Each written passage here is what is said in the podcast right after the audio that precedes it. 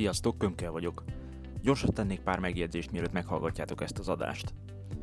Amit itt hallatok, az a szemle után került felvételre, elsősorban nekem emlékeztetőül az írásos anyaghoz egyfajta ilyen memóriafogas, de úgy gondoltam, ha már felmondom egyszer ezt a szöveget, akkor igyekszem úgy csinálni, hogy ezt fel tudjam használni egyfajta ilyen mini podcastként.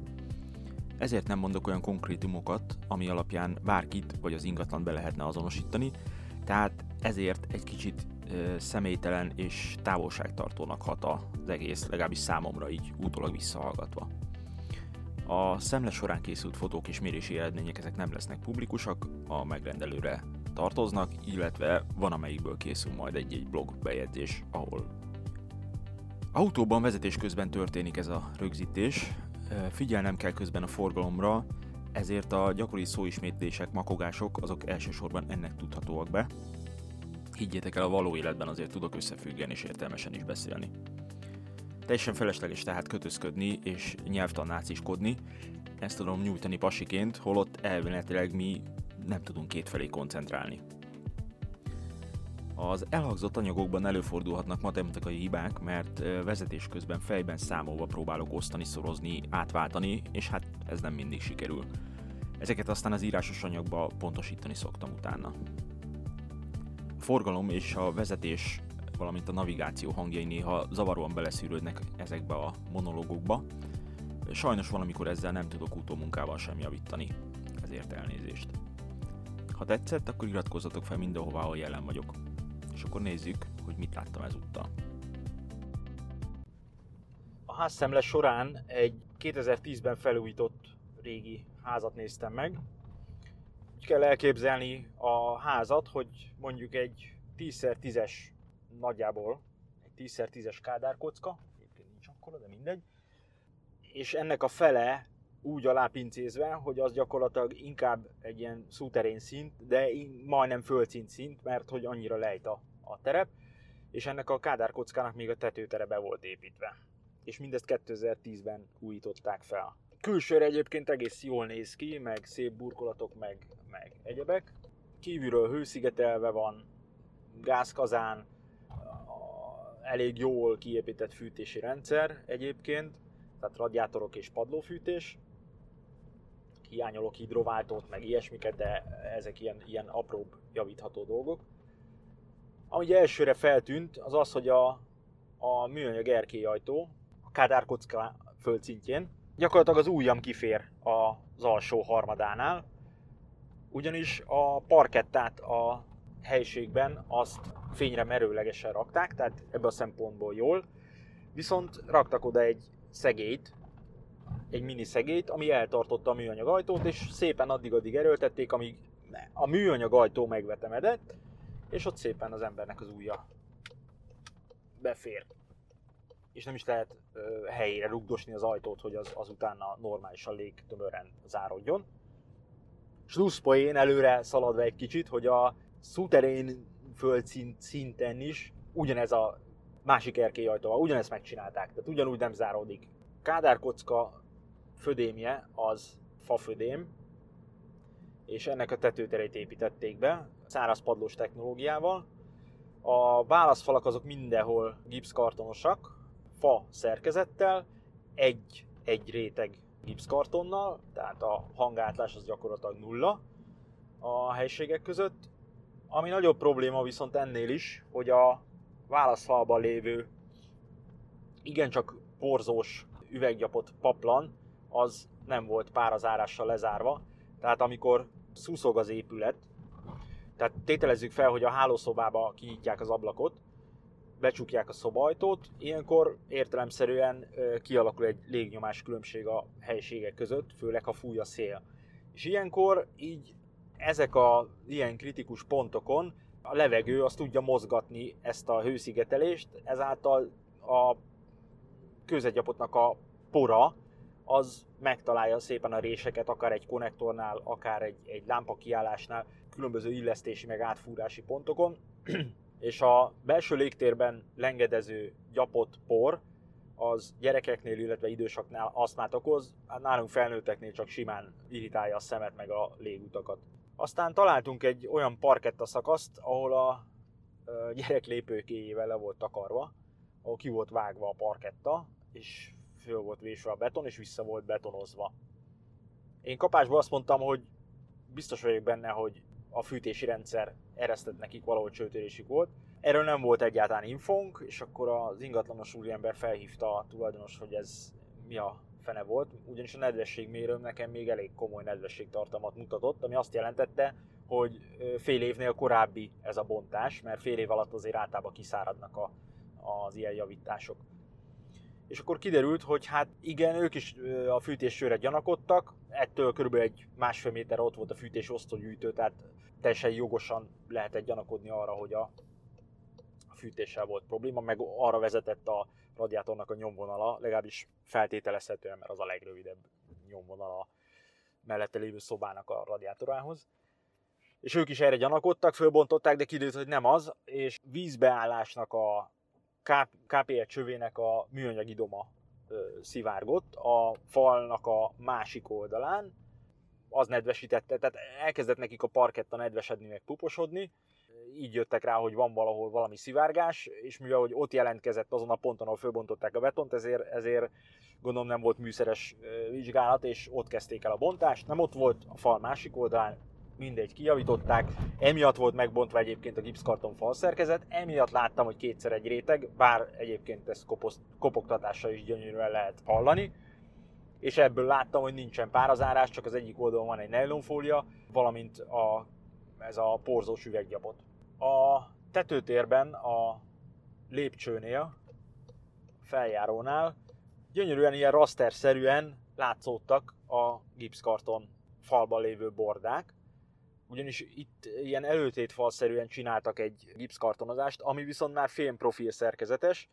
Másik oldalon, tehát ezt úgy kell elképzelni, hogy egy kuckót gyakorlatilag a tetőből ilyen előtét fallal elkerítettek, és ez a kuckó, ez egy fémprofil szerkezetű egy oldalról gipszkartonozott előtétfal, és a gipszkarton profilok közé berakták az 5 centi hőszigetelést, és úgy gondolták, hogy ez elég, és a gipszkarton fém profilnak a maga a fém profil, az gyakorlatilag a fűtetlen padlástérrel érintkezik, tehát a másik oldalon ez egy igen komoly hőhítként jelentkezett, ami nem penészedett nekik, hanem a fém profilváz miatt ki tudott csapódni annyi nedvesség, ami megkötötte a port.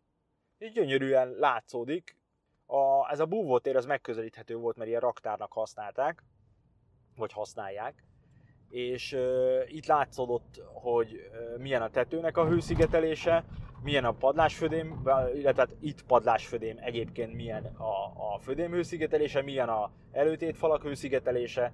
Tehát mindebből igazából az jött ki, hogy 2010-ben ezt a uh, házat, hát nem a legprofibb módon uh, újították fel, és akkor még enyhe és finom voltam.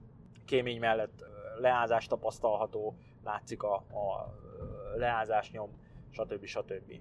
Pince földszinten gyönyörűen, tehát ez úgy nézett ki, hogy nincs összekötve a két lakórész, a földszinti lakórész is egy különálló lakrész, mármint a pizza földszinti, meg a Kádár kocka annak a tetőterével együtt, és nincs átmenő lépcső a két épületrész között pince földszinti rész is teljesen fel volt újítva, egyébként tök korrekten, tehát nem vízesedett, nem volt semmilyen ilyen látható, megmérhető nyoma az egésznek. Tehát ezzel, ezzel különösebb probléma nem volt. A gázfogyasztása az egész Hobelevance-nak az 2000 köbméter gáz, ezt elmondta a tulajdonos is, és én látni lehet a gázórán is, hogy tényleg ennyi. Ami egyébként egy kicsit sok épület összalapterületéhez képest úgy, hogy gyakorlatilag három fűtött szint van egymás fölött, vagy egy kicsit eltolva, és nincsen benne semmi olyan kiugró lapos tető, meg, meg egyebek, ahhoz képest azért a 2000 köbméter egy kicsit. Pláne úgy, hogy a fűtési rendszer egyébként megkorszerű.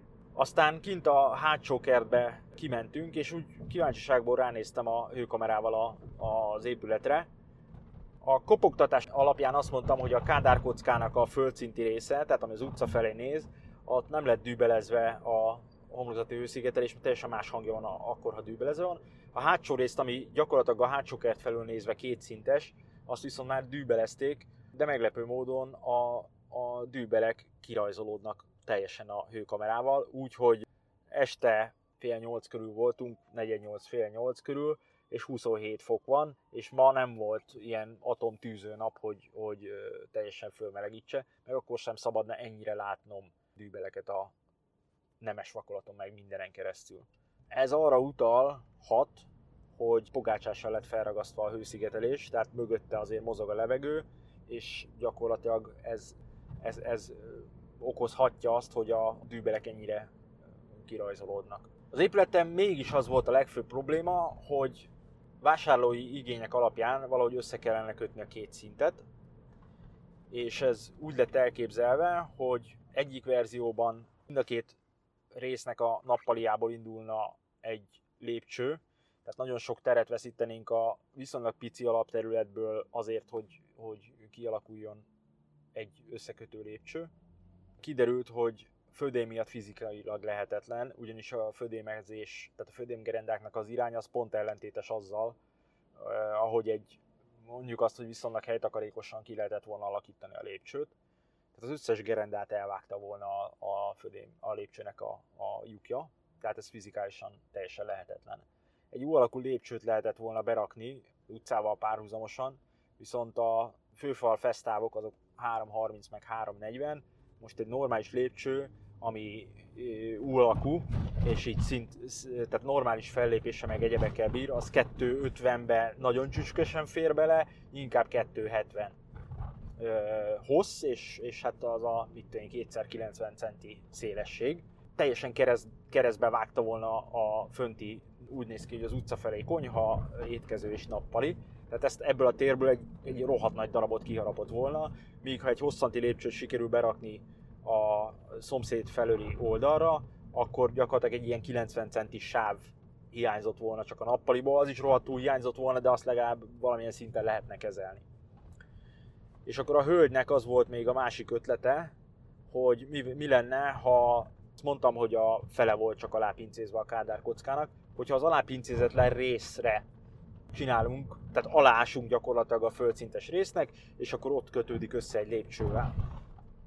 Na most ennek iszonyatosan sok műszaki akadálya van.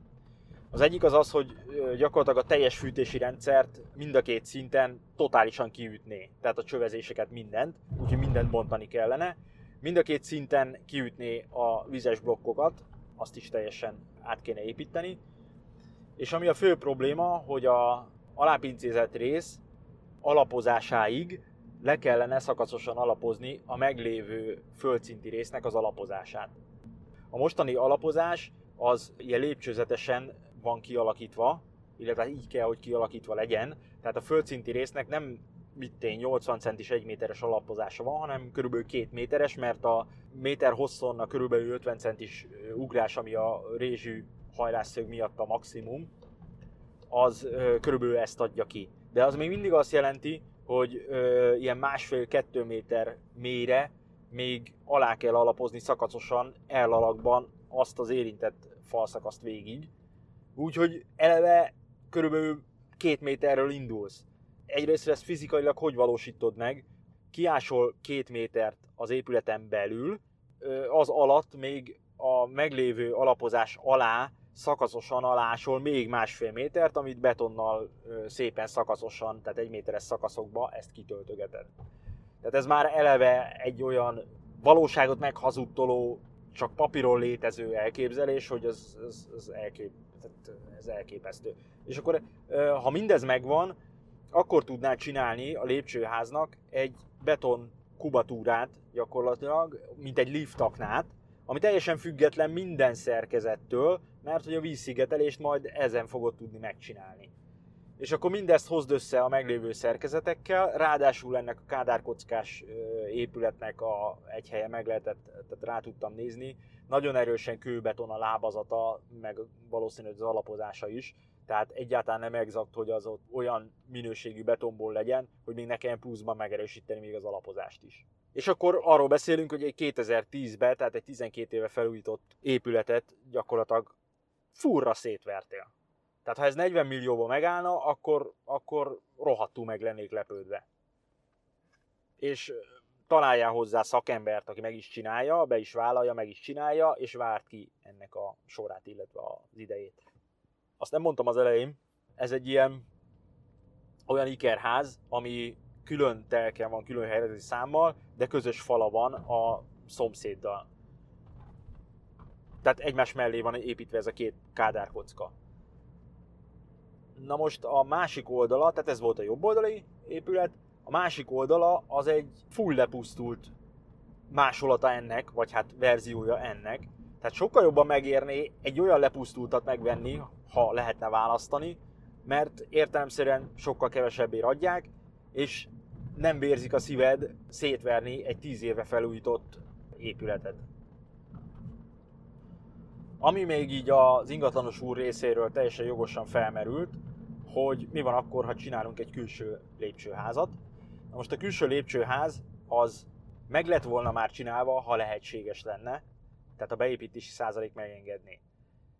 Budapest egy nívós kerületéről beszélünk, és értelemszerűen az ingatlan értéke drasztikusan nőne egy olyan lépcsőházzal, ami ha jogszerűen megvalósítható lenne, mert egyszerűen a két épületrészt összeköti és sokkal használhatóbbá teszi az egészet. A külső lépcsőház az lakóépület bővítésnek minősül, beleszámít a beépítési százalékba, engedélyköteles, stb. stb. Ha nem lehetséges a beépítési százalék miatt, akkor nem lehet megcsinálni. Ha valaki mégis megcsinálja, akkor az épület onnantól kezdve nem hitelezhető, csak KP-s webök tudják megvásárolni, és nem is tudsz rá felvenni te sem semmiféle jelzálog hitelt, hiszen az értékvesés során ki fog bukni, hogy a térképmásolat nem stimmel a valósággal. És akkor erre lehet azt mondani, hogy hát oké, okay, eltelik 10 év, és majd 10 év után legalizálódik. Nem, nem legalizálódik, most már nem legalizálódik 10 év után, hanem 10 év után nem tudják elbontani, vagy elbontatni veled, szerzett jog címén ott maradhat. Viszont nem kerülhet rá térképmásolatra. Tehát kapsz egy fennmaradási engedélyt rá, de nem kerül rá térképmásolatra, és a banknak az számít, hogy a térképmásolaton mi van. Tehát hiába lobogtatod a fennmaradási engedélyedet, kitörölheted a seggedet. Ami még egy ilyen szürkezónás kiskapus megoldás lehet, hogy téli kertre, téli kert nem minősül engedélyköteles bővítésnek. És ha abban van egy lépcsőház, ami a teraszt összeköti, mert hogy a téli kert kétszintes, hát Istenem. Egy ilyen dologban esetleg lehetne gondolkodni, ha egyébként az épület ö, megfelelő lenne. Ami probléma e, nekem egy kicsit, hogy ahová el lehet helyezni ezt a téli kertet, az vagy a nappalinak foglalja el a felét, mind a két szinten, vagy pedig mind a két szinten egy-egy hálószobát köt össze. Oké, okay, a kilátás az nem annyira mérvadó, meg azt el lehet engedni, de például a benapozottságát, meg mindenét a háznak gyakorlatilag leharmadolja.